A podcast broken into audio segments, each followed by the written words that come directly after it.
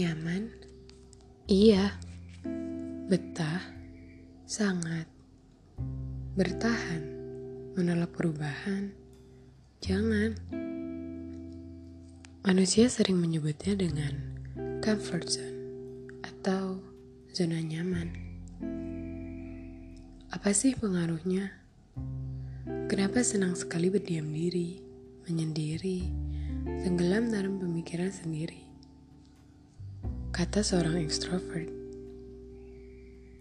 Setiap ragam memiliki porsinya masing-masing dalam berlaku, bersosial. Mereka yang introvert cenderung memiliki tembok lebih tinggi yang membatasi dirinya dengan dunia luar. Tembok itu terbangun sejak awal, membuat beberapa raga begitu nyaman di dalamnya. Tapi siapa sangka kalau ternyata di luar tembok itu terdapat lebih banyak tempat bahkan jauh lebih nyaman dari di dalam tembok. Tapi siapa yang bisa menjamin di luar itu aman? Kata seorang introvert.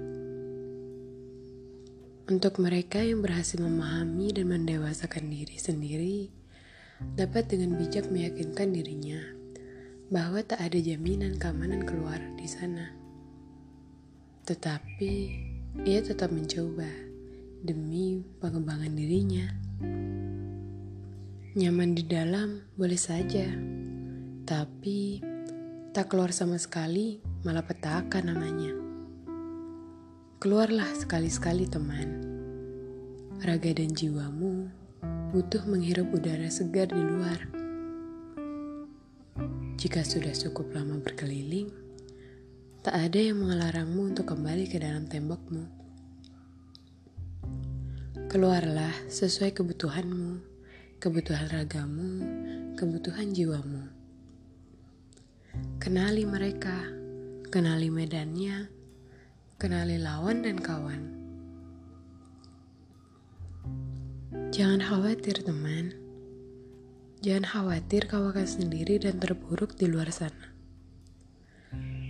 Selama kau melakukan hal yang tepat, akan selalu ada tangan yang menyambutmu dengan lembut, mengantarmu mengembara hingga kembali pulang. Keluarlah, carilah kebahagiaanmu, meski harus pergi jauh dari tempat yang kau anggap rumah itu.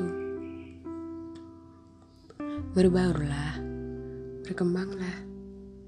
Lalu, ketika energimu mulai menipis, kau boleh kembali.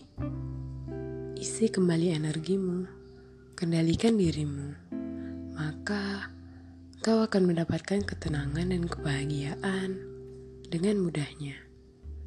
Semoga.